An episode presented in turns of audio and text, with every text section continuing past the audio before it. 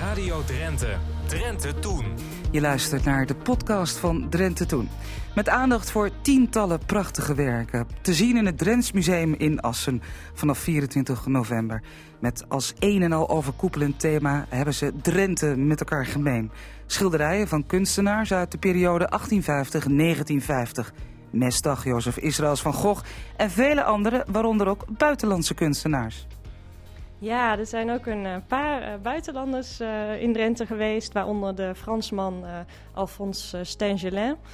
die, ja, die zo dol was op Drenthe dat hij zomer na zomer weer terugkwam hier. En ook in het dorp werd opgenomen hè, in Hooghalen. Ze noemden hem liefkozend meneer Stengel, want Stengelin konden ze niet uitspreken. Annemieke Rens, conservator Drents Museum. In de rubriek Old Nijs wordt voorgelezen uit de krant van toen. En samen met voorname dames uit Assen luisteren naar een causerie over lichaamsbeweging op een theemiddag aan de Hertenkamp. Het archief gaat over wat er vroeger thuis aan de muur hing. Marga Kool vroeg het op de Rono Radio in 1986 aan onder meer Gerard Nijenhuis. Wij hadden een paar uh, hele lelijke dingen aan de wand. Dat waren schilderijen met zonnebloemen.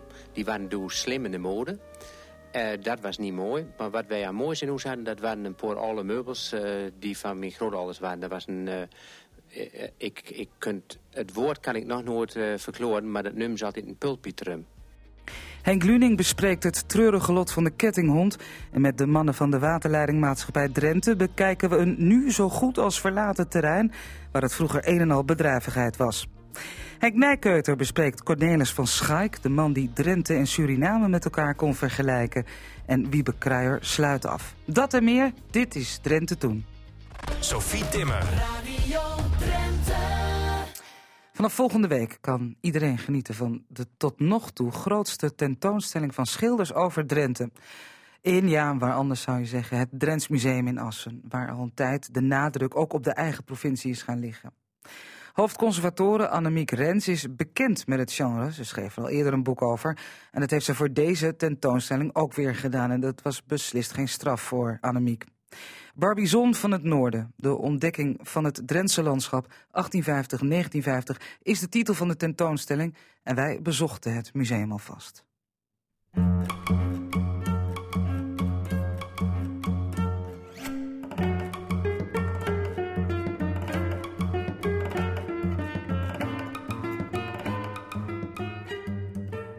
Drents Museum heeft het over een lang gekoesterde wens. Het staat in het persbericht. Maar volgens mij is het ook een uh, waar hoofdconservator, conservator Annemiek Rens ook over gedroomd heeft.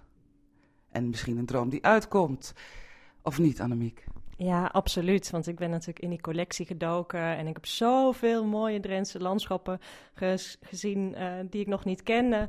En uh, ja, je ziet dan de kwaliteit en de diversiteit. En je hebt dan zo sterk het gevoel van hier moeten we iets mee. We hebben natuurlijk een mooi boekje gemaakt een paar jaar geleden. Maar ja, die schilderijen uh, lenen zich er gewoon voor om groots gepresenteerd te worden. En dat gaan we nu eindelijk doen. Het is voor jou geen onbekend terrein. Je hebt er al eerder over gepubliceerd, samengesteld. En toch heeft het Drents Museum nog nooit zo'n grote tentoonstelling gehad. Met werk van schilders die naar Drenthe kwamen. Klopt dat? Dat klopt. Uh, de, een paar jaar geleden hadden we een wat kleinere presentatie, Schildersparadijs Drenthe. En daarvoor was er in 1997 de tentoonstelling De Haagse School in Drenthe. Um, maar uh, ja, de tentoonstellingszaal uh, was toen nog niet gebouwd, dus zoveel ruimte hadden we toen gewoon nog niet. Waar hebben we het eigenlijk over? We hebben het over met name werk uit de 19e eeuw, maar ook daarna. Ja, de focus uh, ligt op de periode 1850-1950. Maar we laten ook zien wat de kunstenaars die eigenlijk als eerste in Drenthe kwamen, zoals Van Drielst, wat die geschilderd hebben. En daarnaast uh, gaan we door tot uh, eigenlijk tot op de dag van vandaag. dus we hebben ook een soort epiloog met werk van kunstenaars die nu hier aan het werk zijn en laten zien dat Drenthe nog steeds inspireert. Wat belangrijk is uit die, uh, die periode, zeg maar, nou, pak een beetje, de 19e eeuw, is dat schilders hier echt met een doel naartoe trokken. Hè? Om, om Drenthe te vereeuwigen, maar Drenthe was niet zomaar een, een plek op de, op de aardbol. Nee, dat klopt. En uh, ja, het is eigenlijk allemaal onderdeel van de tijd. Hè. Je ziet dat uh, Nederland uh, verstedelijkt. er komt steeds, steeds meer industrie en kunstenaars gaan op zoek naar, ja, naar plekken die nog ongerept zijn. En, en ja, in navolging van de school van Barbizon in, in Frankrijk. Vandaar ook de titel van de tentoonstelling. En ehm, ja, kunstenaars gaan dus op zoek naar, naar het landschap, naar de eenvoud. en ze gaan schilderen in de natuur zelf. De tubeverf is nog niet zo lang geleden op de markt gekomen. Dus dat is ook veel makkelijker. En Drenthe ligt dichtbij. Nederland is relatief klein, dus het is ook wat te bereizen. Ja, precies. Dus uh, dat uh, maakt natuurlijk ook veel uit. Want veel kunstenaars die maken natuurlijk een reis naar Italië. Maar dat is niet voor iedereen mogelijk. En uh, nou ja, in Drenthe kon je prachtige landschappen vinden. Dus je hoefde helemaal niet zo ver weg. Je noemde het al, Barbizon, een plaats in Frankrijk die zich ook leende voor nou ja, uitstekende, uitstekend materiaal voor schilders, hè, om daar te gaan schilderen. Wie heeft het eigenlijk bedacht, Barbizon van het Noorden? Ja, nou, over zoiets eh, zijn we altijd met een heel team uh, uh, in discussie. En ja, we wilden laten zien dat, ja, dat die kunstenaars in Drenthe eigenlijk geïnspireerd zijn door de grote school van Barbizon. Dat echt een begrip is in, in de kunstgeschiedenis. Je zei het al, um, Drenthe had een, een, aantrekkingskracht die ook te maken had met opkomende industrie in de rest van het land, de grote steden, met de problematiek in de grote steden. Die schilders wilden ook echt soort van terug naar de natuur? Ja, absoluut. En uh, niet alleen wilden ze dat zelf, maar uh, ja, de schilderijen over, met landschappen waren ook heel populair op de markt. Dus ze konden er ook goed geld mee verdienen. En dan hebben we het over met name het platteland, hè? Ja, absoluut. En uh, nou ja, waar heb je nog meer platteland uh, dan in Drenthe natuurlijk. Dus hè, kunstenaars uh, zitten in Nederland op allerlei plekken. Bijvoorbeeld in, in Oosterbeek, op de Veluwe. Maar nou ja, Drenthe was eigenlijk misschien wel het, het laatste plekje... wat nog zo ongerept overkwam voor kunstenaars. Dus ja, ontzettend populair. Eigenlijk al, alle grote kunstenaars uit die tijd zijn in Drenthe geweest. Eigenlijk hebben we het over een soort marketing voordat dat überhaupt bestond.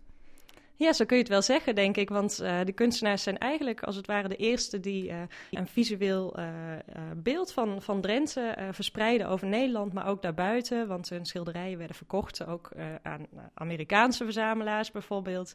En zij dus zijn dus eigenlijk de eerste die, die, die dat beeld van Drenthe neerzetten.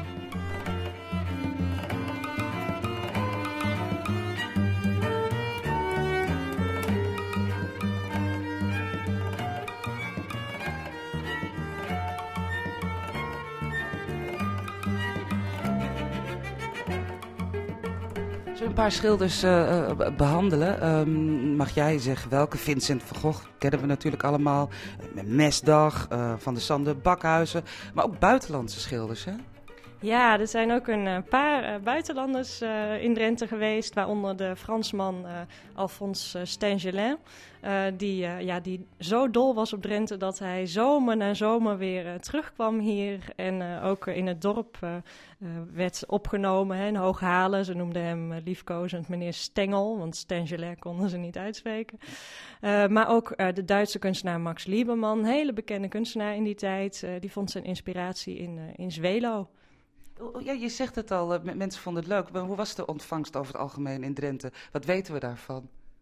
We weten uh, wat anekdotes, uh, maar ja, ik kan me voorstellen dat, dat de mensen natuurlijk wel raar opkeken, want het was toch vreemd kunstenaarsvolk en wat kwamen die dan doen? En nou, we weten bijvoorbeeld dat dat, dat voor Van Gogh heel erg lastig was, uh, en, want die kon ook geen modellen vinden en ja, mensen die moesten niet zoveel van hem hebben, dus dat, dat weten we over hem. Maar van de andere kant weten we weer dat uh, en Van der Zande Bakhuizen heel erg geliefd waren en echt onderdeel gingen uitmaken van de gemeenschap.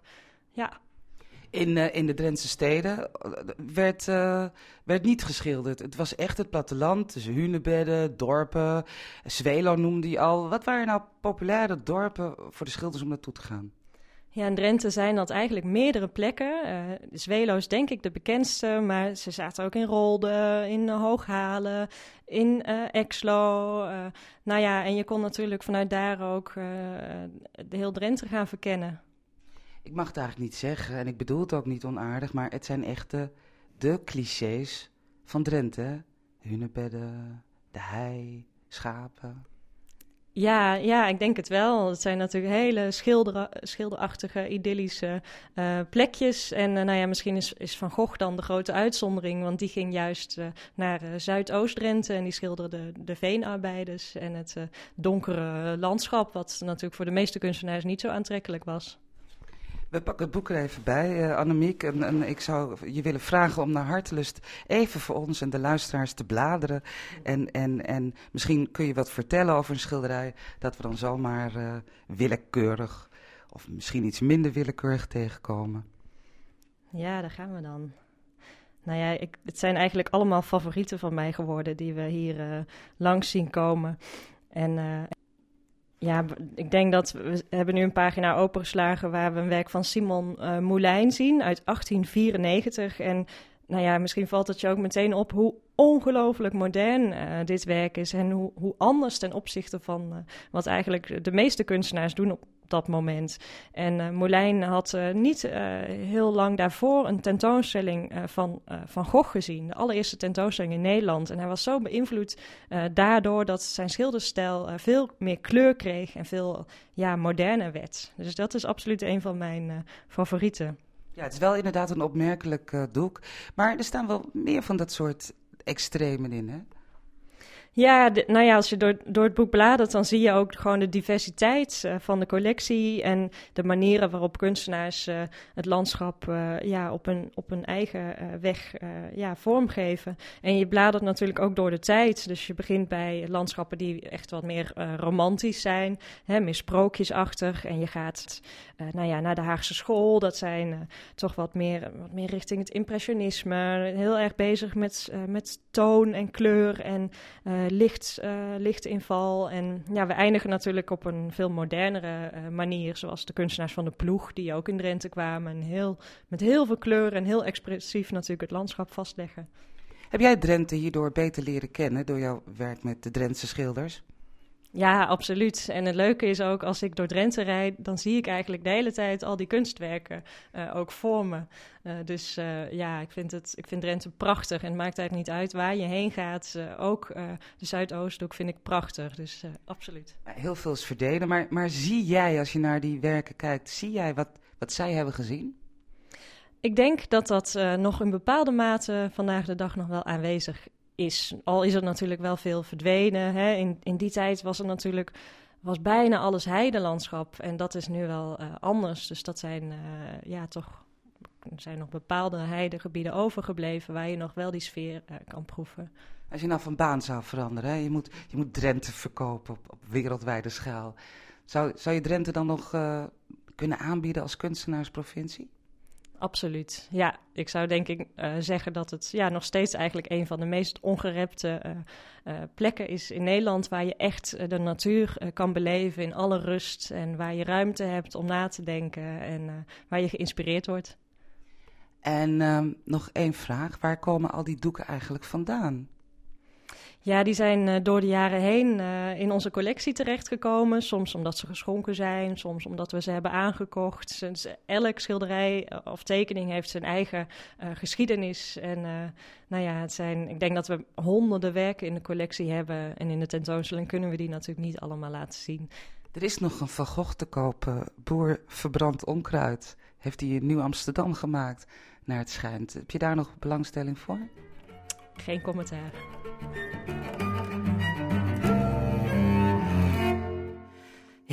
Barbizon van het Noorden. De ontdekking van het Drentse landschap 1850-1950 is van 24 november aanstaande tot en met 22 maart 2020 voor iedereen te zien.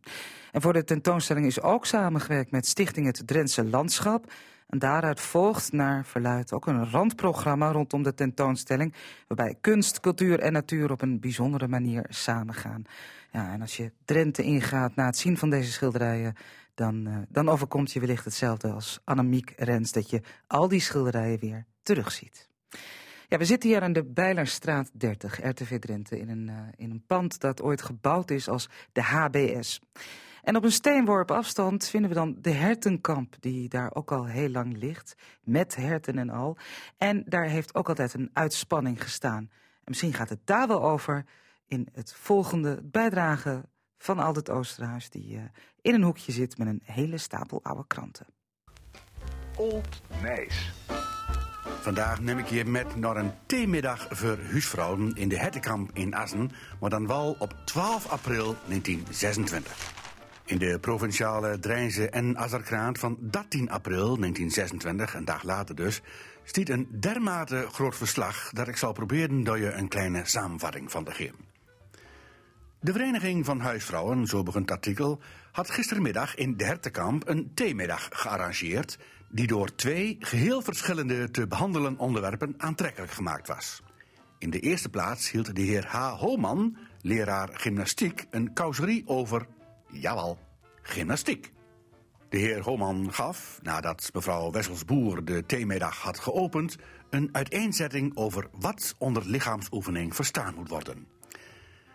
En dan een heel referaat van de heer Holman dat hij het jammer vindt dat lichaamsoefening nog niet als verplicht leervak op alle scholen gegeven wordt.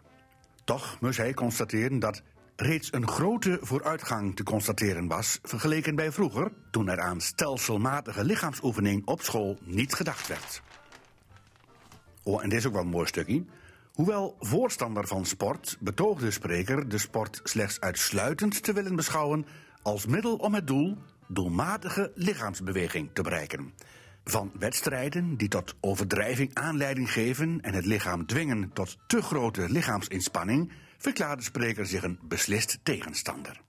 Alleen die lichaamsbewegingen die een gunstige invloed uitoefenen op de levensfuncties, kunnen gerekend worden tot de lichaamsoefeningen.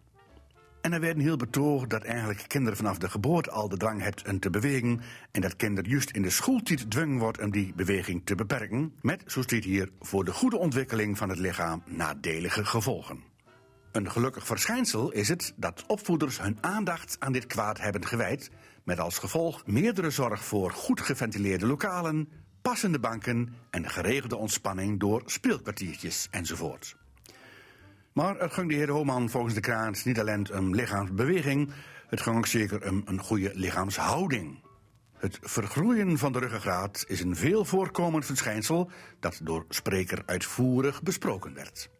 Als lichaamsoefening die het lichaam het best in staat houdt om de verschillende functies naar behoren te verrichten, noemde spreker het zwemmen.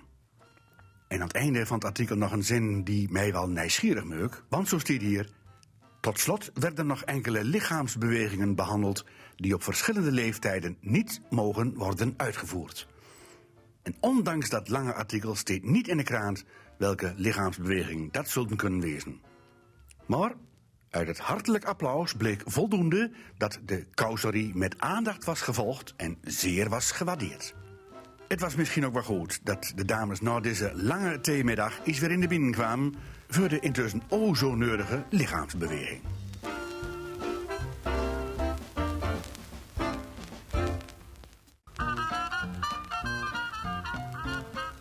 Radio Drenthe presenteert opnamen uit het archief.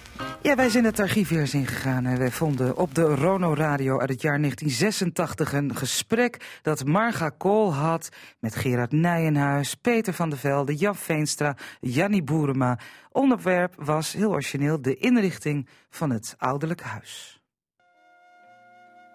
Wij hadden een paar uh, hele lelijke dingen aan de wand. Dat waren schilderijen met zonnebloem. Die waren door slim in de mode.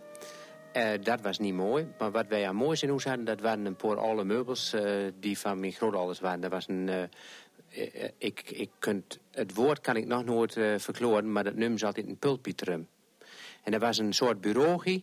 En mijn vader vertelde dat hij er stunden aan te schrijven. Er zaten allemaal kopen knopjes op en mooi hekwerk. En als je dan de klep los deed, dan zaten er binnen allemaal logisch in. Dat was echte kunst. En dat was dan wat ze van vroeger hadden. En zo bij de boerenfamilies waar ik dan voor kwam... toen hadden ze allemaal van die oude dingen en die waren mooi. Maar wat ze later zelf aanschaft hadden, dat was pure kitsch. Peter van der Velde, wat hangde bij u thuis, vragen? Nou, dat was niet zoveel bijzonders. Wij hadden geen oude meubels. Maar als ik zo denk uh, wat er bij andere mensen uh, stun en hung... dan waren dat dus uh, kamnet en zo, met de kom erop... Dat was volk overhaafd van een familie. Maar wat er aan de muur hing, dat was uh, ter herinnering aan uw 25-jarige echtvereniging met mooie zilveren letters. Of met golden letters als het 50 jaar was. Uh, en dan voor een kalender en dan was het meest wel bekeken. Kalender om bladjes af te scheuren elke dag? Ja, ja een scheurkalender. Ja, maar veel uh, kunst hing er niet aan de muur. Wat hing er bij Jan Veenstra vroeger aan de muur?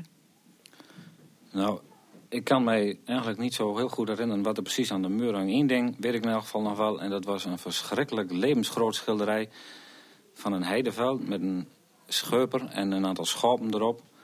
En dat is voor mij het symbool van, van kitsch eigenlijk uh, worden.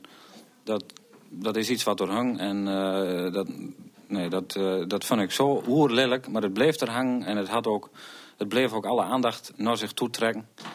Uh, maar het had helemaal niks met kunst te maken. Kunst en cultuur was bij ons vroeger niet iets wat dan uh, aan de muur hang. En, of in, uh, in dingen zichtbaar was, maar dat speelde zich af zoals dat hoort in gereformeerde gezinnen in het verenigingsleven. Maar zichtbare kunst, tastbare beeldende kunst en dat soort zaken, dat was er niet. Met historisch onderzoeker Henk Luning uit Assen duiken wij weer in de geschiedenis van Drenthe en de dieren. Want Luning is dierenkenner en mensenkenner tegelijkertijd.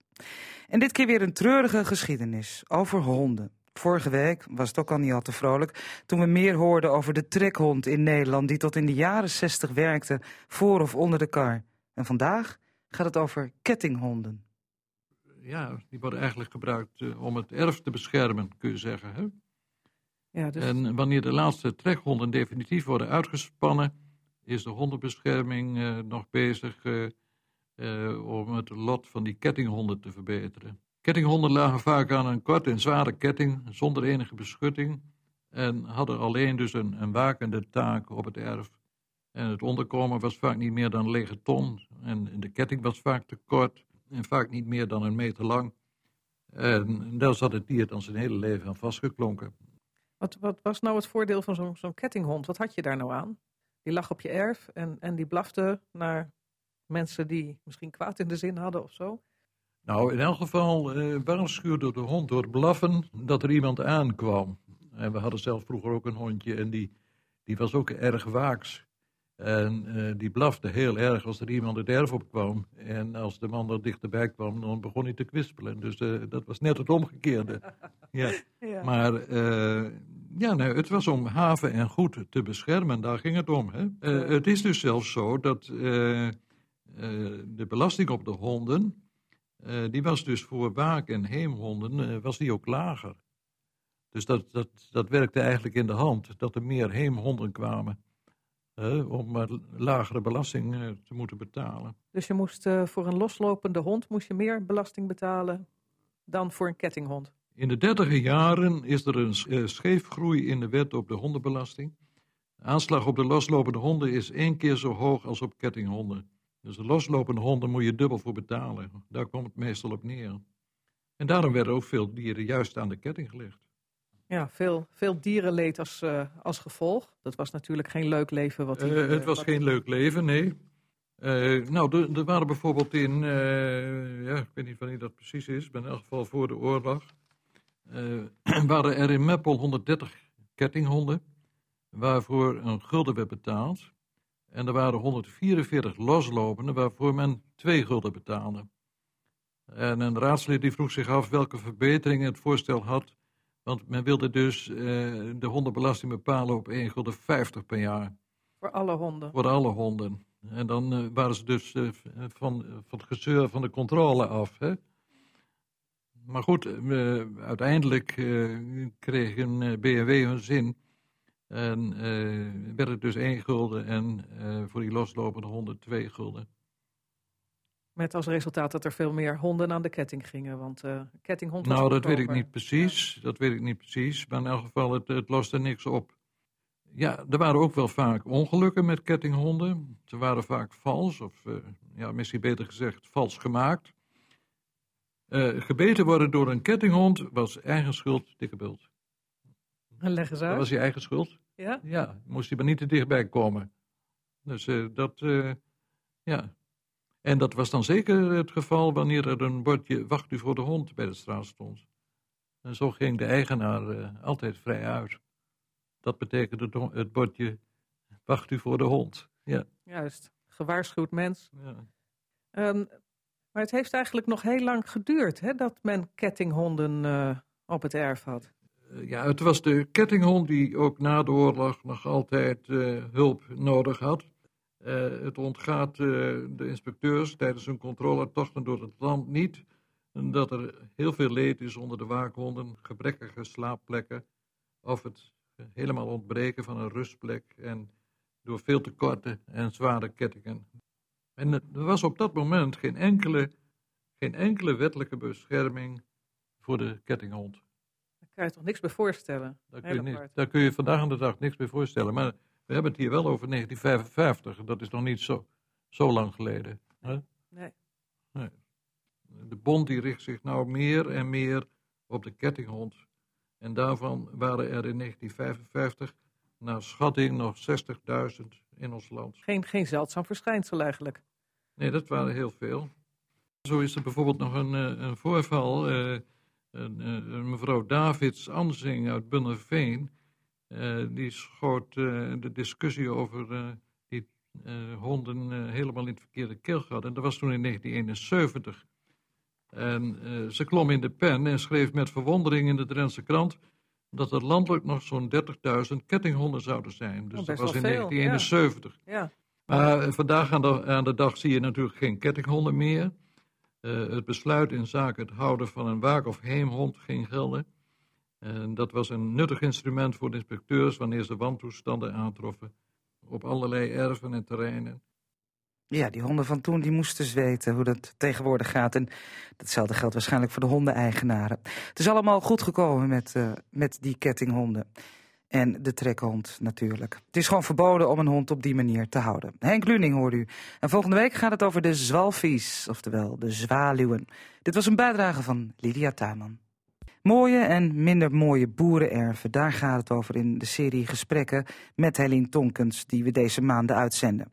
We wandelen door Drentse dorp en bekijken of het allemaal wel historisch verantwoord is. Want, zo zegt landschaps- en tuinadviseur Tonkens, als je dan toch de moeite neemt om je boerderij mooi te verbouwen, met behoud van allerlei historische elementen, neem dan je erf en je tuin ook mee. Vandaag is collega Lydia in Wapserveen op bezoek. Ik eh, zit nu aan een tafel met een mooi uh, zwilkie erop. En dat is uh, de tafel van, mag ik uw naam even? Jenny Sol.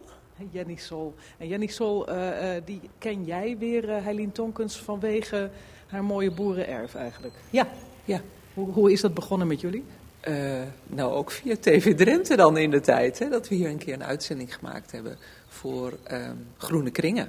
Dus dat was al heel lang geleden. Over het erf en wat hier allemaal was. En daar heeft ze toen allemaal dingen over verteld. En hebben we natuurlijk met beeldmateriaal gedaan.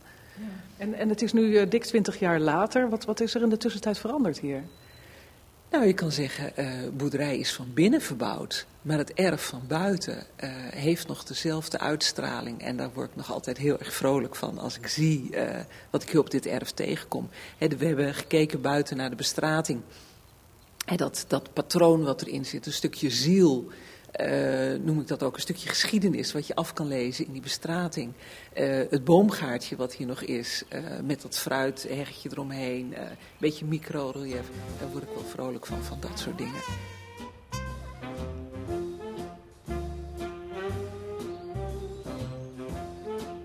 En we zitten nu bij, de, bij de baander ook. En je ziet hier hoe die klinkerbestrating is. Die ligt hier uh, haaks op het huis, hier dwars voor die baander. Daar zitten wat patronen in. Het loopt hier wat naar beneden. Er is op een gegeven moment hier weer de greppelgoot om het water af te voeren. Hier ook bij schuren. Het gaat naar beneden van twee kanten. En je maakt zichtbaar uh, waar het water zit. En alles is gericht op die functionaliteit. Er moest gewoon gewerkt worden, klaar. Er moest gewerkt worden, ja. En als ik nog materiaal had wat ik kon gebruiken, dan gebruikte ik dat. Wil ik een schuur bouwen en er zijn nog biels een eindje verderop, hm. nou die haal ik die erop. Dan ga ik daar toch mee bouwen. Ja. Dat, dat vind ik wel heel erg leuk hoor. Dat is de boerenmanier om de dingen te doen.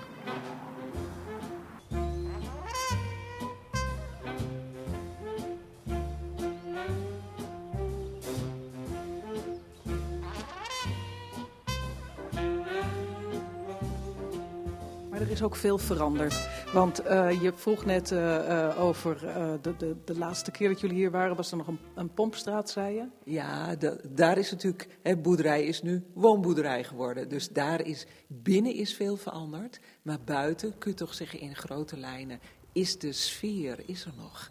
Hè, de indeling is er nog. Het groen staat er nog. En we hebben net gekeken bij de, bij de bomen, hè? en daar hadden jullie het ook even over. Want wat, wat was jouw vraag? Weet je wat er in de tijd voor rassen aangeplant zijn? Geen idee. Je bent gewoon naar de kweker gegaan? Nee, deze oude bomen die stonden er al. Ik denk die, dat die, die twee oude vruchtbomen net zo oud zijn als het huis. Dat zijn hele oude bomen. En die latere, die wat, wat, wat scheef hangen, die zijn geplant in, uh, in het project van het dorp in het groen. Maar dat weet ik niet wat voor rassen als dat waren. Want er zijn er heel veel later doorgegaan. Maar die, die, die rassen die toen geplant zijn, die pasten hier helemaal niet op de grond.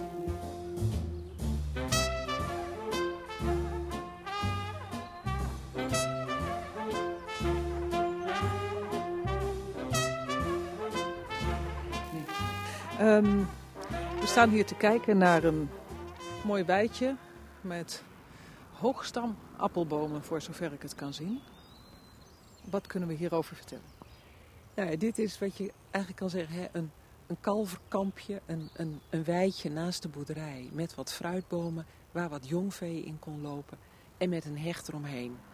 En uh, dat zijn ruige weidjes van ouds, geweest. Hè. Er heeft vee gelopen en wat fruit. En je zorgt in deze tijd, uh, in het najaar, dat je het fruit kan rapen, dat je erbij kan. En als dit nu een woonboerderij is, ja, wat dan? Dan denk je, goh, uh, een beetje hobbel de bobbel. Er is een boom verdwenen. Er is uh, weer gras komen groeien. He, er zit een soort microrelief in. En alles moet dan geëgaliseerd worden en het moet Engels gezond worden. Nou, dan denk ik, uh, de charme is toch ook wel um, met dat microrelief. Dat je een beetje spanning krijgt in het beeld. En iedereen heeft de mond vol over insecten en biodiversiteit en wat dan ook. En dan denk ik, jongens, er mogen toch alsjeblieft wel wat bloemen in dat gras groeien.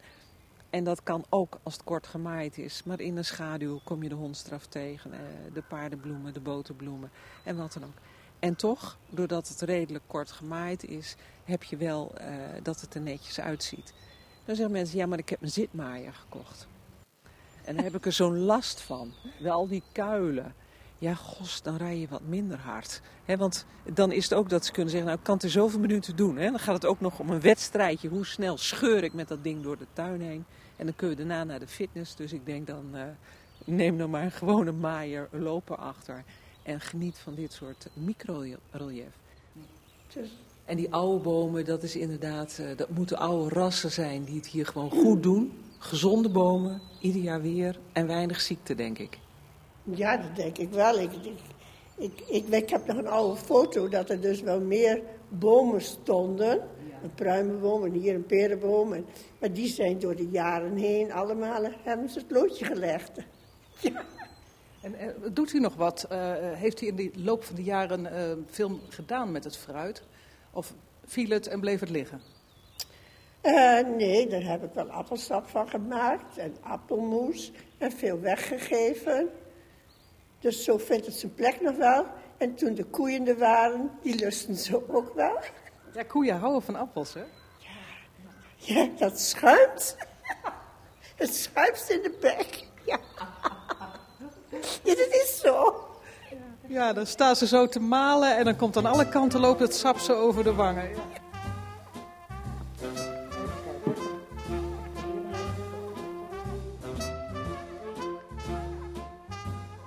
Ja, collega Jeroen en ik hebben daar meteen een beeld bij. We zitten hier in de studio te lachen, schuims om de bek. Koeien die appelsap maken. Goed, we zijn Wapsurveen nog niet uit, want volgende week dan wandelen we verder met Lydia Tuinman en Heilien Tonkens. Sinds begin november hebben wij een nieuwe serie in Drenthe toen, over de schrieverij in Drenthe. Mooi, uh, mooi vandaag is het schilders en nu schrijvers. En dat doen we met vaste gast Henk Nijkeuter, die ons in de studio bezoekt. Maar dit keer bezocht ik hem op kantoor in het Drents Archief. Zoals sinds kort elke week bespreekt uh, Henk Nijkeuter met ons een, uh, een literair kopstuk uit het verleden van Drenthe. En deze keer, beste Henk, is dat iemand die weliswaar heel interessant is, maar volgens mij kent niemand hem meer. Wellicht Cornelis van Schaik. Een dominee die uit Amsterdam kwam. En van Amsterdam werd hij hulpprediker in Hollandse Veld. En van Hollandse Veld is hij weer teruggegaan. En een poosje later kwam hij in Dwingel kwam hij terecht. Dwingelo, door werd hij predikant. En uh, door heeft hij uh, behoorlijk aan de weg timmerd. Uh, met name ook als schrijver is hij heel bekend geworden. Schrijver van romans, gedichten, allemaal ook heel veel stichtelijke literatuur. en wat heel belangrijk is, Cornelis van Schaik, die heeft eigenlijk in de Drentse literatuur voor het eerst de dorpsnovelle introduceerd. En door is het met begund door dat in Europees verband was de dorpsnovelle, tweede helft 19e eeuw, was heel erg populair.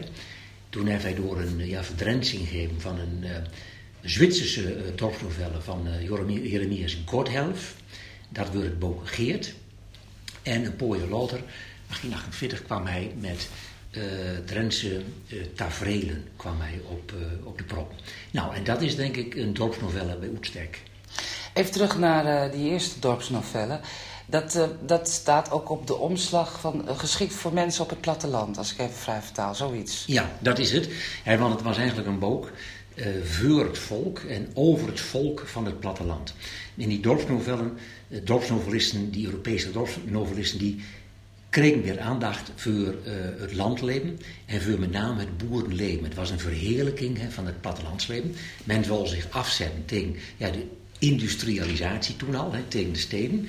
En door de, het plattelandsleven weer verheerlijkt. Nou, dat is een kenmerk hè, van, uh, van dat, uh, voor, voor die dorpsnovellen. En dat heeft uh, Van Schaik overnomen, een soort verdrensing. En een paar jaar later kwam hij met oorspronkelijk werk. Wat bedoel je daarmee? Met, nou, die, die, die verdrensing zien zien roman Geert. En dat is eigenlijk een, een, een kloon van die roman van Jeremias Godhelf.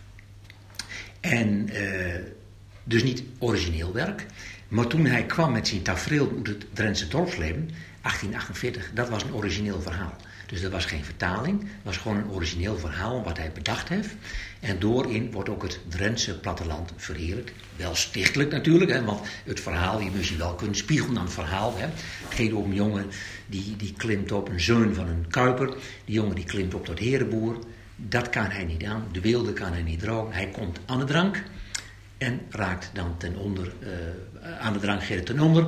Nou, dat moet natuurlijk een voorbeeld wijsvinden voor heel veel mensen. Uh, zo zat van Schaik wel weer in mijn koor. Het moest wel weer in de spiegel weten, zeg maar. Maar het was wel een ja, oorspronkelijk mark.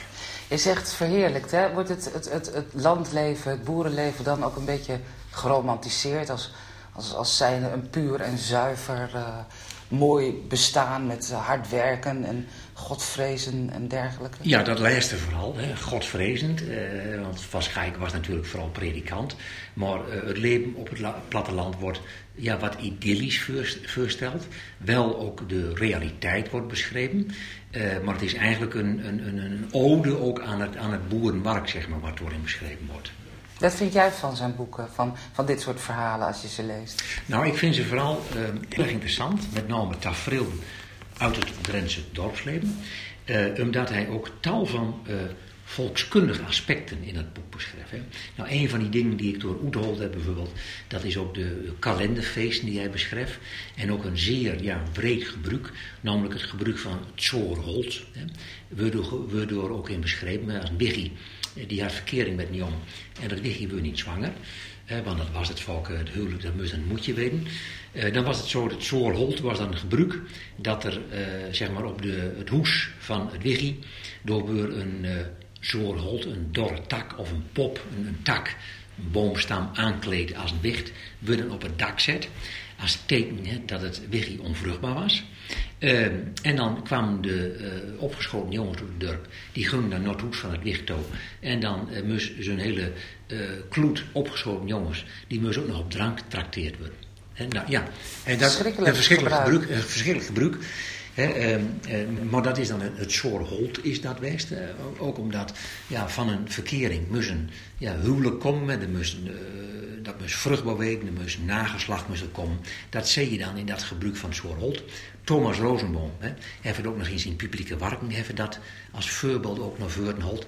Nou, van Schaik schreef erover. Natuurlijk, ook als, als dominee had hij er natuurlijk ook wel een oordeel over. Hè, maar dat vind ik ook interessant uit zijn, eh, uit zijn schrijverij.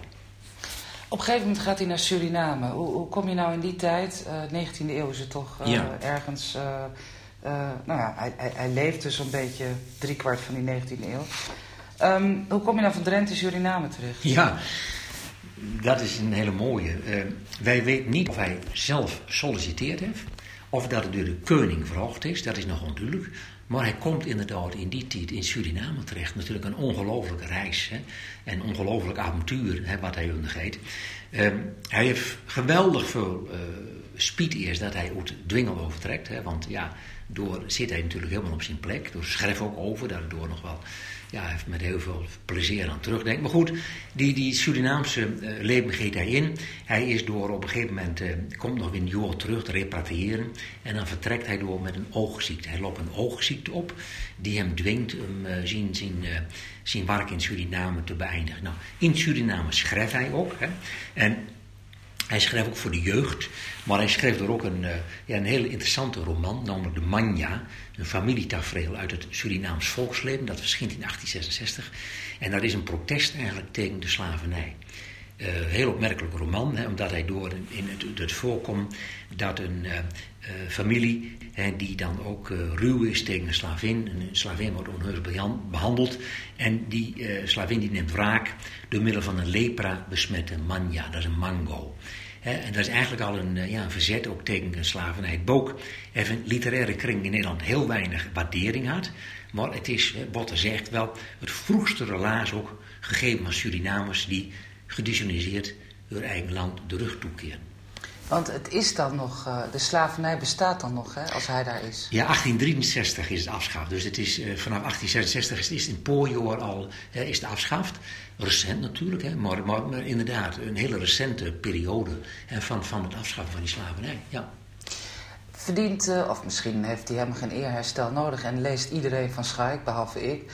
Maar als dat niet zo is, verdient deze man eerherstel of, of, of laten we hem in zijn eigen 19e eeuw? Nee, hij krijgt eerherstel. Want eh, Van Schaik is op een andere manier ook heel bijzonder. Hij heeft namelijk in 1849 heeft hij een boekje geschreven, Sint-Nicolaas Vertellingen voor de Jeugd. En er komt in november verschijnt een boek over twee eeuw eh, Sinterklaasviering in Drenthe. En eh uitgeverij van Gorkum, die heeft dat jeugdboek, Sint-Nicolaas Vertelling van de Jeugd, is weer helemaal opnieuw gescand door de Koninklijke Bibliotheek. En dat hele verhaal, zeg maar, met zes vertellingen, waarin ook Dwingel een rol speelt. Die zes vertellingen, die ben in dat boek ook weer opgenomen. Dus in, op die wijze krijgt hij weer ja, toch een soort eerherstel. Staat Zwarte Piet er ook in? Eh, nee, want Sinterklaas die had in 1849 een jaar voordat Jan Schenkman, de bekende Jan Schenkman, met zijn boek kwam. Sint-Nicolaas en zijn knecht. hè. Dus alles wat we nou hoe Sinterklaas viert, dateert eigenlijk van Jan Schenkman. Nou, van Schaik was hem een jaar ervoor. En er komt geen eh, Piet of geen knecht in voren, voren, want Sinterklaas heeft door een duo-rol. Dus Sinterklaas vervult de rol van Zwarte Piet. Opnieuw gaan we onderweg in de wondere wereld van de drinkwatervoorziening. Hoe ging het er vroeger allemaal aan toe? We bezoeken een van de pompstations van de waterleidingmaatschappij Drenthe, de WMD, in Bijlen. Nu is het er een oase van rust, maar vroeger een drukte van belang. We staan eh, op het zoveelste terrein inmiddels van de WMD. En, ook dit is weer een eh, terrein omgeven door hekken met eh, bakstenen gebouwen erop. Die voor mij nu nog allerlei raadselachtige functies vervullen. Maar ik sta hier met twee mannen die daar eh, wel het fijne van weten. Eh, stel je even voor als je wil. Ik ben eh, Simon Dost van de WMD en ik werk op de afdeling nieuwbouw. Simon Dost van de Nieuwbouw. En daar staat nog iemand naast mij. Eh, Ger Ekelmans. Eh, ik hou me de laatste tijd bezig met arbozaken. Maar ik ben begonnen op de tekenkamer en kwam hier vroeger wel op deze locatie. Dus. En we zijn hier op deze locatie, want het is een beetje een, een historische uh, plek. Ik zie daar ook een gebouwtje staan met uh, tamelijke antiek ogende uh, ijzeren ketels erop. Wat is dat, Simon? Ja, dat zijn filterketels. Het zijn kleine formaatjes, maar die hadden we, hebben we toen gebouwd in de jaren 50. Dat was dat gebruikelijk om kleine keteltjes te bouwen. Maar hier produceren we dus drinkwater. Dus eigenlijk de eerste stap van de zuivering. En, en was jij hier toen al, toen dit gebouwd werd? Nee, ik zie er wel oud uit, maar oh. zo, oud was ik, zo, oud was ik, nog niet hoor. ik, ben, ik ben hier in uh, 1982 komen werken. En dat was naar aanleiding van dat hier een noodstroom achter gaat in, in Hensvloog. En toen vroegen ze iemand uh, met energietechnische vaardigheden. En uh, sindsdien ben ik ook maar gebleven. Altijd bij de WMD gebleven. Dus de, deze plek heeft voor jou ook herinneringen? Het is voor mij een beetje een historische plek, omdat eigenlijk mijn carrière hier is begonnen. En, uh, ja, en uh, eigenlijk is het daar begonnen. Ik ben nu 60. En we gaan dit pompstation straks vervangen door een helemaal nieuwe. Dus eigenlijk is dat ook een beetje in mijn herfst van mijn carrière het hoogtepuntje. Ja, want jullie kunnen nu, wat kun je nu produceren hier? Nou, wij produceren nu met zeven filterstraten produceren we ongeveer 2 miljoen kub per jaar. En we gaan straks in de nieuwbouw met vier filterstraten iets van 4 miljoen kub per jaar produceren. Ja, dus uh, en deze oude mooie ketels met die klinknagels erin, die, uh, die gaan weg. Ja, die gaan op pensioen, want die hebben inmiddels 60 jaar uh, gedraaid. Dus die kunnen ergens anders heen. Um, nou, hoorde ik dat dit, ja, het is nu een hele, hele stille plek, maar dat was het vroeger niet, hè, Ger? Nee, hier was vroeger best wel wat bedrijvigheid. Uh, naast dat het hier een productiestation is, had je hier vroeger ook het regiokantoor. Uh, Drenthe was in drie regio's verdeeld: de regio Noord, Zuidwest en Zuidoost. En op deze plek, je het is nu uh, een lege plek, maar hier stond vroeger het regiokantoor, waar dus de, de fitters vandaan uh, vertrokken en waar de, de opzichters werkzaam waren en administratieve mensen. Dus het was hier s ochtends een, een heel gedoe met allemaal mannen op fietsen. En... Ja, allemaal werk, materialen verzamelen en dan op, op klus. Ja. En ze konden ook hier hun spullen meenemen, hun, ja. wat ze nodig hadden, de buizen en de fittingen. En de... Hier was ook een magazijn aanwezig voor de, ja, de meest handzame dingen. Grotere projecten uh, moest natuurlijk besteld worden, maar hier lag wel uh, een voorraad materiaal voor de fitters. Ja, ja dus dit was een beetje de spin in het web van de reparatiedienst onder andere en het aanleggen van de leidingen van de WMD. Ja, zo'n beetje wel, ja. Mm -hmm. ja. ja. En, en, en, het is nu afgebroken. hebben, jullie, hebben jullie nog zo'n verdeelpunt? Waar alle fitters en, en dergelijke mensen komen? Ja, het is nu allemaal gecentraliseerd. En we hebben nu in Assen een groot magazijn voor, voor alle monteurs, voor distributie. Ja. En nog een ja, uh, grijpmateriaal in, in Emmen, in een Hogeveen. Maar het echt het centrale magazijn staat in Assen. En daar komen ze niet meer op de fiets, hè? Nee, dat doen ze niet meer met de bakfiets. Nee, nee, nee. We hebben nu mooie, mooie bussen daarvoor. Ja, ja, ja dat ja. klopt. Zeg, Simon, wat, wat kan je verder nog over deze plek vertellen? Nou, dat is ik net al zei, in 1958 is deze, zijn deze filterstraten gebouwd. Maar in de tussentijd is er best nog wel, uh, zijn er wat dingen uitgevoerd. Uh, zo hebben we bijvoorbeeld in de jaren 60, 70 hebben we nog fluor uh, lopen doseren. Dat was toen... Oh, ja, dat was toen modern hè? Moest voor onze tanden. Ja, dat moest voor de tanden. Maar na een paar jaar was dat ook weer voorbij. Hoe lang heeft dat geduurd eigenlijk? Ja, dat weet ik niet meer precies. Maar volgens mij niet zo heel lang. Een jaar of vijf, denk ik. Ja, want toen kwamen ze er toch weer achter dat het toch niet zo gezond was voor andere dingen, geloof ik, hè? Ja, wat je ook zag gebeuren is dat uh, particulieren kwamen gewoon hun water zelf ophalen. Want die wouden helemaal geen fluor in hun water hebben, wat thuis bij hen werd uh, afgeleverd. Dus, nee, wat uit de kraanbouw, dat wilden ze niet. En dan kwamen ze hier met vaatjes uh, aanzetten. Ja, nee, dat klopt. Ze kwamen echt, echt met de jerrycans hier water ophalen. Omdat ze geen fluor in het water wouden. Maar dat vonden ze maar niks. Ja, dus daar was ook een groot wantrouwen tegen. Ja, klopt. Ja. In ieder geval is het uh, heel kort uh, zeg maar, gedoseerd geworden en toen zijn we er weer mee gestopt. Ja. Dus, uh, hebben we nog andere bijzondere dingen met het water gedaan? Nou ja, we hebben ook een ontharding nog proberen te bouwen hier. Het water hier in Bijlen is wat hard. En daar hebben ze ook in de jaren 70 nog geprobeerd om een installatie voor te bouwen, maar dat ging ook niet helemaal goed. wat was dat voor apparaat dan?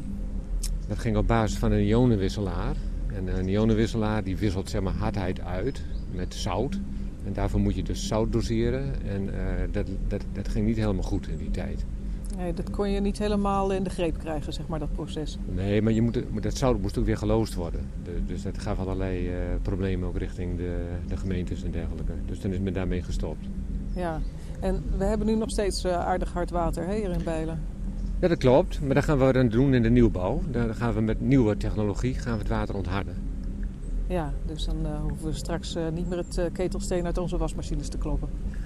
Ja. Zo, we stappen nou een gebouwtje binnen. Wat trappen op. Wat gaan we doen, Simon? Nou, ik kan je even de centrale bediening laten zien die hier is geweest in de jaren 80 Ja. Centrale bediening van... van de installatie. ja. Toen ik hier in 82 kwam, toen was het zo dat eh, alle filters teruggespoeld werden met de hand achter een lessenaar. Maar vanaf 1982 eh, hebben de, al de pompstations eh, lopen automatiseren. En tegenwoordig kun je de pompstations bedienen vanaf je iPhone en ook in de gaten houden. En geen filters meer spoelen aan je lessenaar.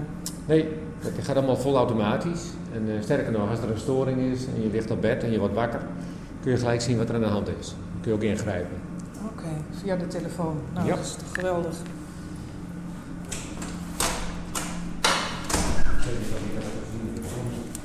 Zo.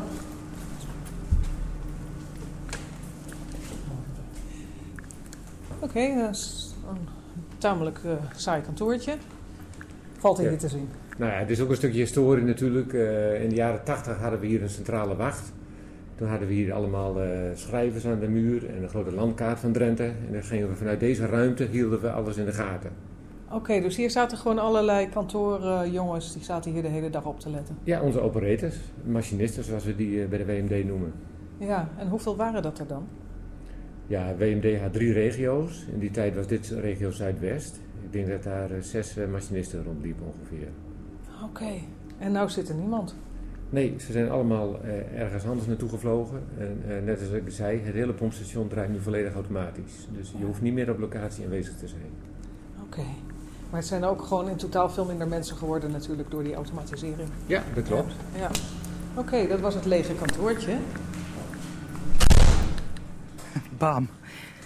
Dat was de deur, denk ik. Nou, volgende week duiken wij de catacombe in met Simon. En u hoort een bijdrage van Lydia Tuinman. Het programma zit er bijna op, maar niet voordat wij een eh, vertrouwde jeugdherinnering hebben gehoord. Van Wiebe Kruijer, onze hekkensluiter. Zoals elke week voorgelezen door collega Robert Oosting.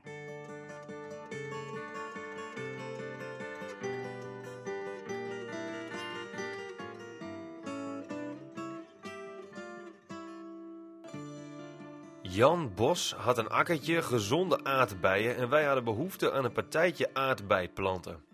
Het was geen probleem dat wij wat aardbeiplanten bij Bos gingen rooien. We kregen zo aardbeiplanten en lieten een schoon akkertje achter. Beide partijen hadden daar voordeel van. Op een morgen in augustus togen Jacob en ik naar Eelde om aardbeiplanten te steken. De aardbeienakker van Bos lag ergens aan de Wee-akkerweg. Waar Bos zelf woonde weet ik niet, maar dat moet in de buurt zijn geweest. Tegen tien uur kwam er een vrouw aanlopen met in de ene hand een kan en in de andere hand een tas. Inderdaad, dat was mevrouw Bos. Hoe zij wist dat wij er waren, weet ik niet, maar zij was wel zo vriendelijk om ons achter op het land koffie te brengen. Plotseling hadden wij echter onvermoed een groot probleem. Mevrouw Bos had zich die morgen duidelijk niet gewassen, evenmin als gisteren en eergisteren. Haar gezicht was grauw gesluierd. Ze had bijpassend groezelige handjes en was ook overeenkomstig gekleed. De kopjes die zij na de begroeting uit haar tas viste, waren in zeker opzicht ook bijpassend. Ook daaraan was niet te zien of ze eergisteren of veel verder terug in de tijd waren gewassen. Hoe het met de melk en de suiker waren gesteld, weet ik niet meer. En ik heb ook geen moeite gedaan om dit uit te zoeken. Onder deze omstandigheden staat koffiedrinken beslist niet gelijk aan het nuttigen van een lekker bakje troost. Integendeel, het roept iets op van sla mij maar over. Of wij koffie wilden of niet, ze schonk gewoon in. Gelukkig wilde ze wel praten en gelukkig verstond Jacob de kunst haar aandacht een beetje af te leiden. En zo kregen we de kans om onze koffie een eervolle en acceptabele wijze weg te werken door het heel snel in het gras te kiepen. Op één been kun je echter niet lopen, zo vertelde ze, en daarom kregen we een tweede kopje koffie. Toen dit door ons ook diplomatiek was weggewerkt en zij de attributen wilde inpakken, bleek er nog een restje koffie in de kant te zitten. En zij vond het begrootelijk om dat weg te gooien. Dus wat volgde? Een derde ronde en weer even een moeilijk en spannend moment. Tegen twaalf uur gingen we naar huis om te eten. De namiddag hadden we ingepland om de smorgens geoogste planten te poten en zo werd ons het thee drinken met Klaaske bespaard. De volgende morgen was het echter tegen tien uur weer raak. Klaaske bracht ons weer ruimhartig koffie en de daaropvolgende morgen herhaalde het ritueel zich opnieuw. Toen vonden we het echter wel genoeg. We wilden de gastvrijheid en de gulheid van onze Klaaske niet langer misbruiken. We hebben tussen de middag nog een tijdje doorgewerkt zodat we genoeg planten hadden en hebben het voor de rest er maar bij laten zitten.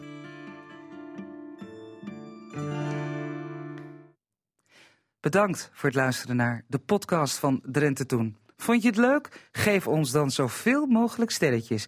En luister ook eens naar de andere podcasts van RTV Drenthe, zoals de Sportcast of die van Cassata.